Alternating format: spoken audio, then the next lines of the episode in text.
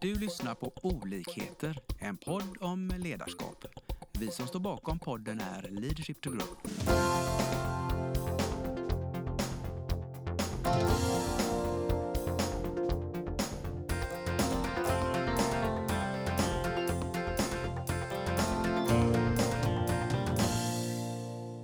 Välkomna till dagens avsnitt. Idag från Leadership to Grow är det jag, Jesper, Rickert och, eh, Torbjörn. Och så har vi en väldigt spännande gäst som gärna får presentera sig själv. Ja, jag tackar för att jag får komma hit. Susanne Kiel heter jag och eh, ja, jag kommer ifrån eh, hundvärlden kanske så att säga. Precis. Mm. Och inom hundvärlden, det är rätt stor. Jag är otroligt färsk i, i det ämnet. Ja, jag har jobbat yrkesmässigt med hund sedan 84, jag gick ut skolan. Eh, redan när jag kunde skriva så ville jag jobba med hundar och eh, min yrkesvägledare när jag gick ur nian sa att det finns inga jobb inom hund. Välja en riktig utbildning så jag fick välja tvåårig ekonomisk utbildning och gick den. Efter det har jag jobbat med hundar. Gått den långa vägen, började som hundskötare i en stor hundanläggning med schäferuppfödning. Där det utbildades också hundar mot eh, både väktare, polis, tull, eh, ledarhundar, tjänstehundar till Försvarsmakten med flera. Eh, sen fick jag möjligheten att eh, omskola mig och få börja som dressör. Så det har jag gjort sedan eh, 92. Utbildat tjänstehundar till Försvarsmakten både när det gäller militärpolisen och flygvapnet. Utbildat ledarhundar till synskadade. Och även då eh, en period var jag uppe på Försvarets hundtjänstenhet och även där då utbildade specialsekundar, bland annat minhundar. Så att eh, ja, det är hund hela vägen, både på fritid och i yrket. Eh, jobbade en period också med sprängämneshundar inom skyddsklassad industri där alla gods och fordon skulle kontrolleras innan de kom in på området. Eh, jobbat med Göteborgs djurskyddsförening med alla omhändertagna hundar via polis och länsstyrelsen där jag var hundansvarig. Och eh, 2013 startade jag egen verksamhet och idag driver jag hundföretaget Hundägarservice specialsök. Och eh, ja, jag håller kursverksamhet för hundägare och eh, även eh, dresserar och jobbar yrkesmässigt med mina hundar då, när det gäller läcksök efter dricksvattenläckor på kommunala ledningsnätet och även fjärrvärmeläckor på det ledningsnätet. Så det är många, många olika inriktningar har jag. Det, det låter ju verkligen som att man definitivt kan jobba inom hundbranschen. Ja, jag, har, ja, jag lyckades. Envis som jag är så har jag inte gett upp. Nej, nej verkligen inte. Mm. Fantastiskt får jag säga. Det är ju så spännande att ha dig här och, och ta del av just ledarskapet som, som vi eh, är så intresserade av. Hur ser du på eh, liknelsen då mellan ledarskapet med exempelvis barnuppfostran och hunduppfostran? Ser du några paralleller? Ja, alltså både barn och hundar behöver ju styrning kan man väl säga. Alltså riktlinjer. Eh, jag brukar tänka så här att eh, en bra relation behöver man ju ha för att kunna känna att man har en trygghet. Man vill ha ett samarbete och man vill också ha en bestämmande del. För att kunna styra en hunds handlingar. Alltså en hund är ju ändå ett rovdjur, det är ett flockdjur. Precis som vi. Eh, Redan barn behöver ju också ha en styrning såklart. Eh, det här med fri uppfostran det har man ju hört talas om och man har säkert sett också hur bra det blev. Eh, på hundar eh, som inte får styrning så går de ju oftast lite ur hand beroende på individ såklart. Det finns ju vissa raser som är lättare att hantera. Individer brukar jag tänka oavsett ras egentligen för även en liten hund behöver ju ha fostran för att kunna uppföra sig i vardagliga situationer. Eh, sen finns det olika raser, olika individer som är starkare som kanske kräver lite mer handfasta regler kan man väl säga utan att man ska vara dum eller elak mot hunden. För tittar vi tillbaka kanske 30 år så hade man ju en helt annan dressyrteknik än vad vi har idag. Vad är den största skillnaden? Eh, från förr till Ja. nu. Förr var det ju mer eh, ja, man var väl lite hårdare i sitt sätt att vara eh, mot hunden. Alltså det var ju inte frågan om att hunden skulle förstå alla gånger vad den skulle göra utan eh, det var ju korrigering när inte hunden gjorde som man sa. Istället idag försöker man ju faktiskt få hunden att du är ju ändå en, eh, en kollega, alltså det är ju sam- familjemedlem. Eh, Jag vill ju att min hund ska jobba med mig i glädje. Mm. Men den ska ändå vilja, eh, den ska ju ändå behöva lyssna på mig. Tänker jag. Mm. Så att eh, när Ja, jag, Ja. Så när jag håller kurser till exempel så eh, ofta får jag ju de här hundar som kanske ja, inte vill komma på inkallning, inte vill gå i ett koppel jämte föraren. Det är ju vardagliga problem vi stöter på. Sen har vi hundar som oftast har problem att möta andra hundar. Eh, Så det man egentligen lär hundägaren här det är ju att eh, lära sig läsa av sin hund. Alltså se vilka signaler sänder den här hunden ut till de andra. Så att de förstår, får förståelse för hundens eh, språk. Så att, ja, du- rätta mig om jag har fel, men då, då känns det nästan som att det är lika mycket ledning av människor som kommer dit. Ja. Precis som med, med hunden. Kanske hunden lär man väl mer saker medan människorna kanske man, ja men hunden fungerar på det här viset, att man ger det lite mer, mer förståelse och ett syfte varför man gör saker. Ja, hu- hundägaren ska ju utbildas och sen får ju hundägaren utbilda hunden. Kan man Okej, säga. så- så att, eh, det är ju hundägarutbildning kan man väl kalla det här för. Mm. Eh, när det gäller kursverksamheten. Eh, hundarna de gör ju saker som de själva vinner på. De är ju både lata och smarta brukar jag säga. Alltså, det vi lär och det vi belönar det är ju det hunden lär sig. Vad är det vanligaste felet en hundägare gör för en, när man skaffar hund?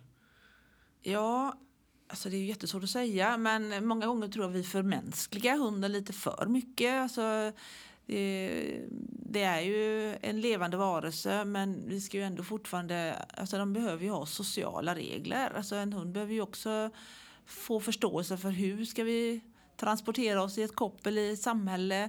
För hundägaren har ju alltid ett yttersta ansvar oavsett vad hunden ställer till med. Alltså vi har ett strikt hundägaransvar i samhället. Så om jag går med min hund kopplad och det kommer fram en lös hund och min hund biter den hunden så är det jag som är skyldig. Det är jag som är ansvarig. Det låter jättekonstigt men så är det. Jag tycker att jag har kontroll på min hund men eh, i de lägen så det gäller ju hela tiden att ha, eh, ha ett ägaransvar hela vägen ut och då måste man ju fostra hunden fast på ett sunt sätt. Hunden ska ju liksom vilja lyssna på mig för att, eh, att det är jag. Inte för att jag bara har en gotta i handen. Men den ska ju ändå ha belöning för att den har arbetat. Och belöningarna kan ju bestå av väldigt många olika saker. Det kan vara, jag ska ju vara en resurs för hunden. Eh, Det är jag som går med lönekuvertet. Men det är fortfarande inte jag som delar ut lön varje gång vi ska göra något. Förstår ni hur jag tänker? Precis. Att en godbit, ett beröm, eh, en klapp, en boll, en leksak. Alltså det ska betyda lika mycket som ett beröm. Alltså jag, Men hunden måste ju förstå Mm. att eh, nu är det med dig jag är. Det är jag som är tryggheten för hunden. Vi ska samarbeta, sätta gränser. Vad bör man göra om man märker som hundägare att man inte längre är flockledaren? Att man märker att hunden tar över och det går överstyr? Ja, alltså det många tar ju hjälp av, eh, av professionella människor. Alltså, hund- Och även brukshundsklubbarna har ju en väldigt stor roll i det här att man söker upp eh, eh, och går kanske en kurs. Ibland behöver man ha privat hjälp. För det finns ju hundar som har svårt att umgås med andra hundar i närheten. Att det, det blir för starka störningar. Och då kan ju en privat eh, träningstimma kan ju hjälpa den hundägaren väldigt mycket. Jag hade senast igår en hundägare som hade problem med just att den drar i kopplet. Eh, den hade gått valpkurs, den hade jättefin ordning på sin hund och det var en jättetrevlig hund. Ingen hund som på något sätt gick ur hand men ändå så kände den hundägaren att jag löser inte det här. Hunden är så intresserad av att bara dra iväg i kopplet så de orkar inte hålla den. Och den var ju åtta månader gammal och så var det ju ja, en cocker spaniel-blandning kan man väl säga. Vägde 20-25 kilo. Och då att de hundarna blir ju tunga i kroppen också när de väl sätter i fart.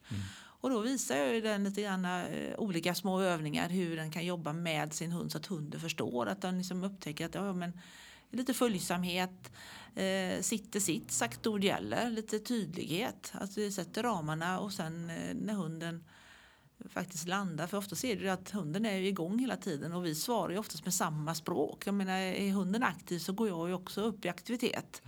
Istället för att man kanske ska tänka via sänka hundens aktivitet så ska jag sänka min egen aktivitet så att hunden liksom inte går upp i, i så man är uppe i himlen och vänder.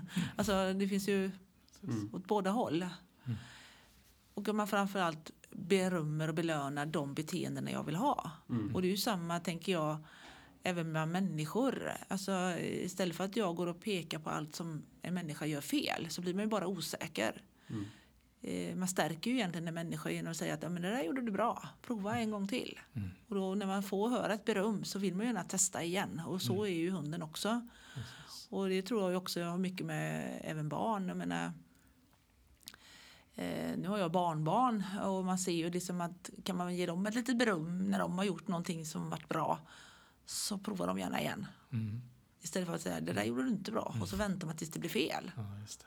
Mm. Och jag kan tänka mig att eh, ni som jobbar med det som ni gör, alltså det stärker ju människor genom att, att man får cred för någonting som man faktiskt, att man är på rätt väg istället för att vänta till, ja nu gick det åt skogen.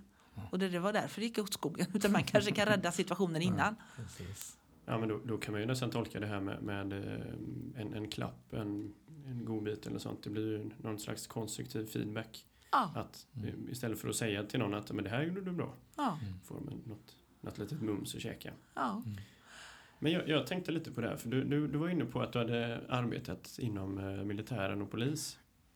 Ja, jag har, jag har inte jobbat Eller? hos polisen Nej, men jag nej, men hade ut- alltså hundarna som kom in eh, till exempel till Göteborgs djurskyddsförening det var ju omhändertagna hundar. Mm. Alltså de hade bortsprungna hundar eller hundar som hade kanske bitit i samhället som hade eller misskötta hundar. De kom via Mm. polis och länsstyrelsen. Så det var ju en del. Sen jobbade jag okej. som dressör på försvarets hundtjänstenhet under Ja. en period som civilanställd. Så jag Ja. är ingen militär. Nej, nej, men, men du Utan- jobbar ändå med hundarna som, Ja, jobbar, som i sin tur jobbade. Ja, så de kom ju, de utbildades. Eh, jag, jag dresserade ledarhund, eller Mm. Minhundar på Mm. den tiden där uppe och även eh, som levereras sen då till eh, förband då kan man säga. Mm. Jobbade du mycket med, med människorna där? Ja, till viss del. Oftast är det ju hunden som jag jobbade med. Men sen såklart att vi ska ju föra in de här hundarna ute på till exempel flottilj. Då gjorde vi en överföring Ja. till eh, värnpliktiga då. Ja. Och lämnade över dem dit på plats då. För där tänker jag måste väl ändå krävas någon slags ledarskap från din sida om, om överlämningen, hur det går till, hur en hund funkar, hur liksom de Ja. ska bete sig och sånt. Ja, hur alltså först har jag utbildat hunden och sen ska de ju förstå hur hunden fungerar. Ja. Eh, och eh, tillsammans med deras befäl. Får för de har ju sina eh, regler eller ska säga hur Mm. hundarna ska hanteras på plats. Mm. Ofta så stod de ju i hundgårdar såklart. Eh, Hunden skulle gå upp på en pall för att kunna få sitta där tills man tog på den koppel halsband. De skulle få gå ut genom grinddörren när eh, hundföraren då säger nu går vi eller fot ut eller vad de nu hade för kommandoord. Alltså det var ju hundföraren var ju tvungen att ha sina regler och vi har ju då utbildat hundarna innan de kommer dit att de vet vad gå på pallen betyder, de vet vad stanna betyder, de vet vad sitt betyder. De har ju, vi har ju utbildat hunden till en viss kravspecifikation om så att säga. Det här slutprovet ska de klara innan de lämnas ut. Och sen därefter så eh, för jag ju över hunden på hundföraren.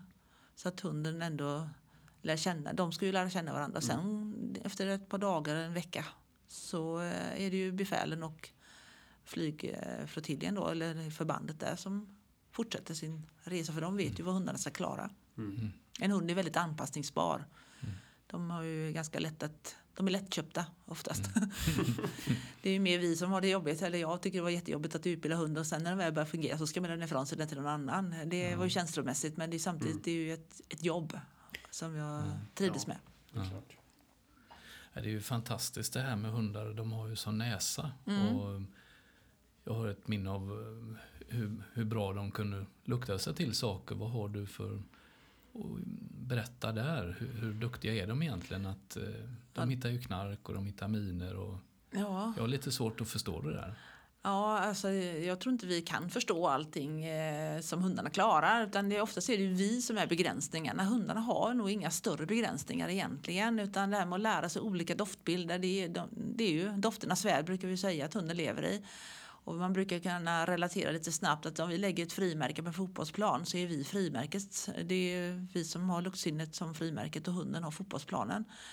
För då kan vi också förstå hur mycket dofter som hundarna hela tiden eh, kan lukta sig till. Mm. Eh, många säger så här, men hunden, hunden kände inte det för den hade inte näsan på. Alltså, luktsinnet är ju motivationsstyrt.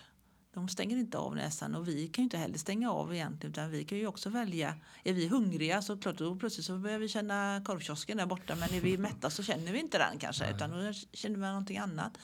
Och hunden ska ju hela tiden sortera bort. Och det är ju också viktigt när man lär hunden eh, vad den ska leta efter så måste man ju också ha grundat ordentligt och talat om att det, den här doften är den du ska lära dig. Mm. Och eh, belöna, alltså belöningarna det är ju våran, alltså vi jobbar ju för lön. Jag jobbar inte för lunchkuponger brukar jag säga till hundägarna för att förstå att det inte bara torrkulorna från foder som är lön för hunden. Det kanske ska ha något riktigt gott godis för att den ska vilja jobba mm. ordentligt och skapa sig bra minnesbilder och så är det ju i det här också. Så att ja, de mm. har fantastisk näsa. Ja, ja mm. nej, det är fantastiskt att vi kan ha sån hjälp. För det är ju inte bara bomber och granater som eh, de hjälper till med. Vi nej. har ju blind, ja, ja folk som... Li, likhundar, menar, just, ja, du menar eh, olika typer av tjänstehundar? Ja, just det. Precis. Så att, eh, ja, för de kan ju vi använder ju hundarna i väldigt många olika samhällsnyttiga tjänster i, ja. i, idag. Liksom. Men du har ju diabeteshunden till exempel som många som kanske har diabetes har en hund som talar om och larmar när sockret är lågt eller högt. Oj. Epilepsihundar finns det ju. Vi har servicehundar där hundarna kanske då hjälper en funktionshindrad att hämta grejer, öppna dörrar, släcker lampan, eh, ja, apportera grejer helt enkelt som en hjälp i, i sitt hem. Fantastiskt. Och samtidigt är det ju fantastiskt sällskap för den människan. Vi har ledarhundar då, eh, som hjälper oss synskadade. Ja. Det är också en frihet för en synskadad att kunna, ja, kunna komma ut och röra på sig samtidigt som kan gå iväg till jobbet kanske och ha möjlighet att våga åka till olika platser. Ja, det är fantastiskt. Ja. Helt otroligt. Ja. ja. Det och sen finns det ju många olika typer av tjänstehundar även inom myndigheter. Vi har ju som idag har vi ju tullen, polisen, försvaret, kriminalvården. Eh, som jobbar då med tjänstehundar inom olika områden. Mm. där hundarna både ska försvara sina förare men också ut och kanske leta efter försvunna människor. Mm. Eh, och det kan ju vara både brottslingar men också eh, en svampplockare, ett barn som försvunnit. Jag menar, det, det är ju polisens mm. stora uppgift att kanske leta reda på de här män, mm. människorna också. Men då har du ändå jobbat och, och mött hur många olika typer och, och så, så, hundar som helst. Vad, vad, skulle du säga är den, den största likheten eller den största lärdomen du, du har tagit mellan alla dina möten med de olika hundarna? liksom, och tagit med det i, i livet i sig? Ja, alltså, man måste ju titta på vad är det för individ jag har framför mig. Alltså, jag brukar försöka säga att ja, jag tittar inte på rasen. Jag tittar mm. på, för det finns ju många fantastiska hundar både som är blandras och, och renrasiga. Utan, mm. Och alla är ju individer. Mm. Eh, att man, eh, jag, jag, jag, är inte rädd men jag ska ha respekt. Mm. Eh, och jag vet Eh, som min före detta chef sa när jag jobbade i Hungor förr i tiden. Att blir man biten, det är inte merit då man bjuder sig dumt åt. Och det ligger lite i det faktiskt. Man kan bli hundbiten av en olyckshändelse men ofta mm. så har ju hunden talat om att eh, rör du dig närmare mig eller pillar du på mig? Alltså de här hundar som har en integritet. Mm. De ofta så vana ju dem och talar om att jag tänker bita dig om inte du passar dig. Alltså, att jag ska ta en, eh, en boll i munnen på en hund jag inte känner. Alltså man får ju ha lite, titta på hundens språk. Se mm. vad, vad, säger den här hunden? Att lära sig läsa hunden, det, det är väl någonting jag fått lära mig genom åren. Ja, och vi var inne på det lite i början eh, där med paralleller. Eh, hunduppfostran, eh, barnuppfostran. Mm. Finns det någon parallell där också? Som du har tagit med dig? Ja, jag har ju ingen, ja. Eh, Ja, men det är väl det här att, eh, att man eh, sätter sina regler hur man vill ha det för att det ska fungera i, i var och ens familj, hem. Alltså både när det gäller barn, alltså, man sätter ju reglerna, hur lever jag? Alltså det ju, har jag hundar så ska den få tigga vid bordet, ska den få ligga i soffan eller sängen eller mm. Eh, ska barnen eh, gå och lägga sig klockan sju eller inte? Alltså man, sätter, man sätter ju grundläggande regler i sin egen familj och, och, för att det ska funka för en. Mm. Och det är väl det som är parallellerna då kanske. Att eh, det är inte bara gör vad du vill. Utan... Mm. Nej, och jag Precis. tänkte du, du, du är inte bara lönekuvertet. Det är inte bara pengarna. Nej, man, alltså, jag använder ju väldigt mycket, men det ska ju vara positiv inlärning eh, när man tränar hund och det är Mm. väl, eh, man ska ju ha en positiv fostran också tycker jag. Alltså det, här, det här steget som man hade för att det är hårda metoder och allt det, det, det har man ju gått ifrån. Alltså, Sen innebär ju inte det att, eh, att man ska ha en godisautomat för hunden utan eh, hunden ska ju förstå vad är det jag vill att du ska göra. Och likadant att barnen, det är ju lättare att förklara för ett barn att eh, gör du på det här sättet istället så blir det lättare. Mm. Vi är duktiga på att bara säga nej. Fast vad är det vi säger nej till? Vad ska du göra istället? Alltså ge dem ett alternativ. Och det är ju samma för hunden. att Jag kan stoppa min hund med ett nej. Bryt med det du gör omedelbart. Ska det betyda för min hund? Och då måste jag säga att du kom in här till, till mig istället. Sätt dig ner. Eller kom så gör vi det här istället. Mm. Och då, eh, för hundarna är ju inne i en, en handling. Alltså är de på väg att jaga grannens katt och jag ropar nej så kanske hunden stannar upp. Men säger jag ingenting där så kommer den fortsätta jaga grannens katt. Mm.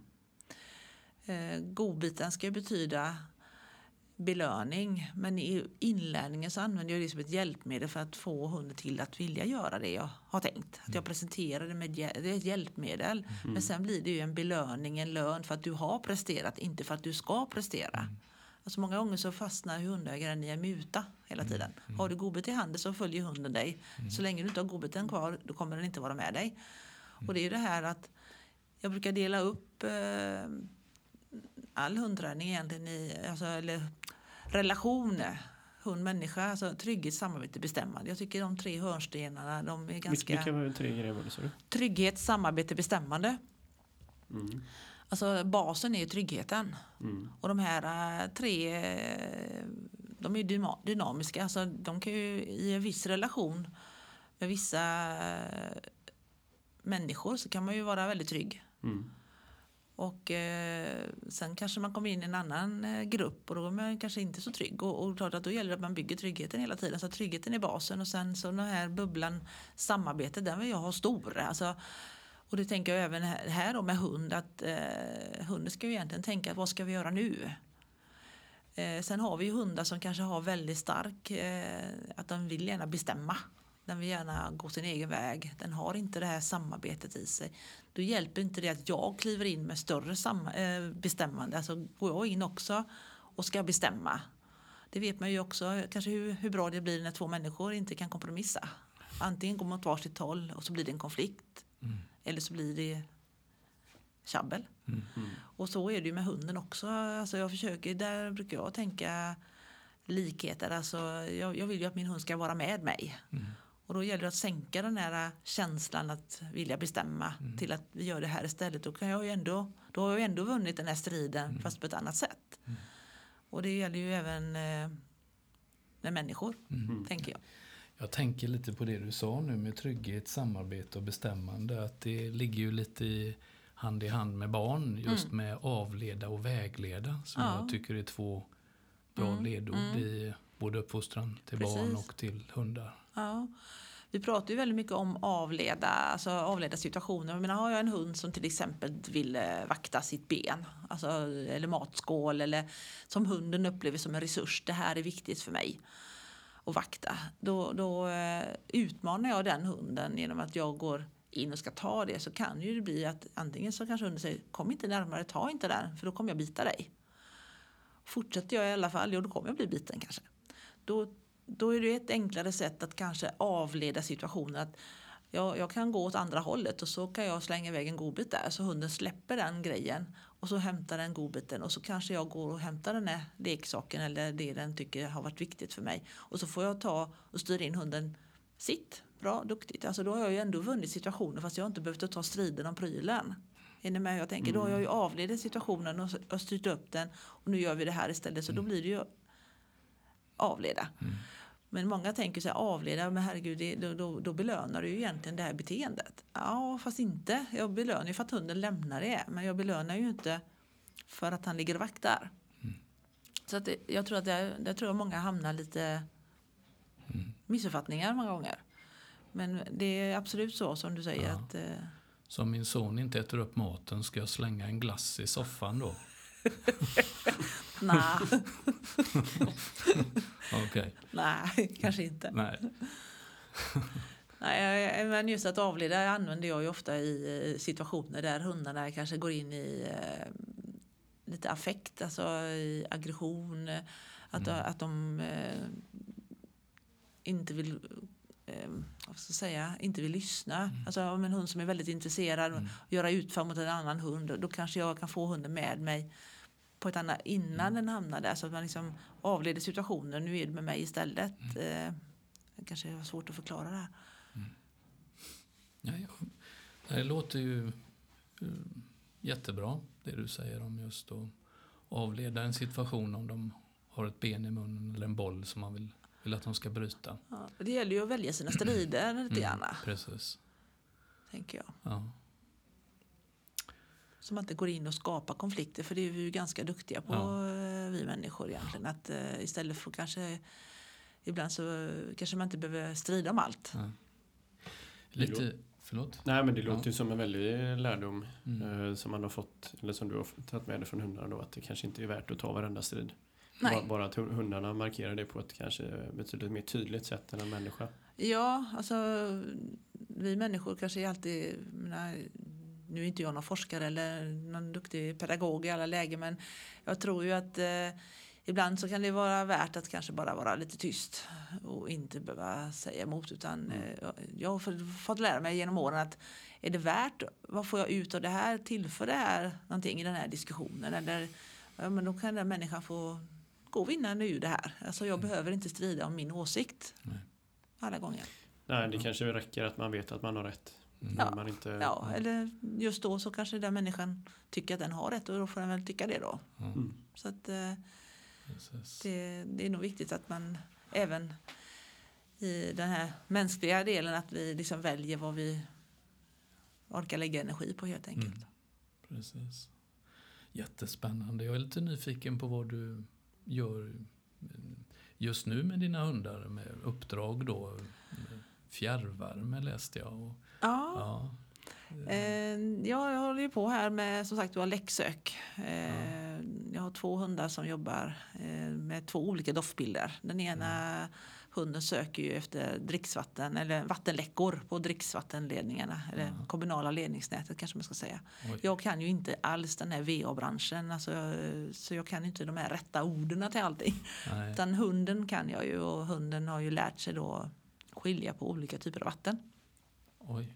Så att han eh, markerar ju inte sjövatten, havsvatten, regnvatten och, utan det är bara det kommunala dricksvattnet. Det springer läck. Nej, det är ju helt fantastiskt. Mm. hur, hur gör man? Ja, eh, hur, exakt hur jag gör kanske jag inte vill berätta för det är lite Nej, nej, det förstår företagshemligheter. Men menar, det är ju det här att få hunden till att förstå vad är det för doftbild. Alltså allt vatten luktar ju olika. ja. Eh, och sen exakt vad det är i dricksvattnet som hunden känner som är avvikande kan jag inte svara på för det vet inte jag riktigt än. Utan, eh, men det, det är ju ett processat vatten i alla fall. Ja. Det har ju gått igenom olika reningsprocesser för att det ska bli dricksvatten. Och eh, det finns säkert en gemensam nämnare där. Mm. Eh, och eh, det jag har gjort här nu det är att jag har eh, tränat honom på olika vatten från olika kommuner. Bland annat. Och sen har jag lärt honom att diskriminera eh, de andra typerna av vatten som regnvatten, havsvatten, sjövatten och så vidare. Och så har jag hjälp av att kunna få komma ut och praktisera det här på kommunerna då under hela förra året 2021 så la jag ju tid att åka till olika kommuner där man hade där man visste att man hade misstanke om vattenläcka. Mm. Och då kunde ju hunden doften. Då hade jag lärt honom vad han söker efter och jag hade tränat ganska mycket eh, i olika områden ute i samhället. Att leta upp det jag hade preparerat då kan man säga då. Ja, med risk för att ställa en dum Mm, fråga. nej, det finns inga dumma frågor. Ja, men så om du ska åka till Alingsås typ Mm. och, och du har hämtat vatten från Alingsås och tränat hunden Och nu har jag inte gjort det längre men jag, gjorde, jag var ju väldigt mycket ute på Tjörn bland Ja. annat och sen har jag i Kungälv och sen har jag varit i Lerum och så och, och i Tjörn där har man ju eh, vatten som då var, alltså de hade lite klor i, sitt vatten och i Kungälv har vi kanske annat eh, Ja. medel som eh, kan eh, rena, eller vad man ska säga. Jag, jag kan ju inte deras processer Nej, nej. var, Men, så att eh, idag åker jag åker till, till en kommun där jag inte, så brukar jag be att de tar med sig lite vatten i ett sån här provflaska. Som inte har varit någonting annat i. Jag vill inte att de ska ta en Loka-flaska liksom, och fylla med vatten för då kanske hunden får en helt annan doftbild. Mm. Så att ju, ju större bredd jag håller på och lär honom olika eh, alltså vattensorter så är risken stor att jag lär honom också kanske markera regnvatten så småningom och det vill jag ju definitivt inte. Utan han ska vara specialist på dricksvatten, inget annat. Och det är kommunala dricksvattnet bara, alltså de som är kommunala ledningsnätet. Inte från någon grävd brunn eller djupborrad brunn eh, på privatperson. Utan, För det vet jag inte riktigt vad det är hunden egentligen kanske markerar. Fantastiskt. Jag blir, skulle ju ha med hunden på vinprovning. Ja, Då lär man ju liksom vinna. Han luktar sig till vinet. ja, precis. Ja. Ja. Och det är samma sak med fjärrvärmen egentligen. Fjärrvärme är ju också en annan doftbild för hundarna då eftersom det är ett slutet system. Så jag kan inte ha samma hund till båda delarna. Mm. Utan jag har en hund till varje. Ja, just Okej. Fantastiskt. Ja, så där, där är en stor utveckling. Ja, verkligen. Mm. Har vi glömt något? Jag tror inte det. Nej. Nej. Nej. Nej. Men då så. Då får Ja. vi tacka så hemskt mycket, Ja. Susanne. Jag får tacka här- för att jag fick komma hit. Ja. Det var så trevligt. Spännande. Ja, ja verkligen. verkligen. Mm. Men då så. Tack för att du kom. Mm, Tack. tack. Vi hoppas att vi har väckt tankar om hur du kan utveckla och stärka ditt personliga ledarskap. Följ oss gärna på våra sociala medier där vi heter Leadership to Grow. Om du vill ha mer inspiration och verktyg, gå in på vår hemsida leadershiptogrow.com. Tack för att du lyssnar.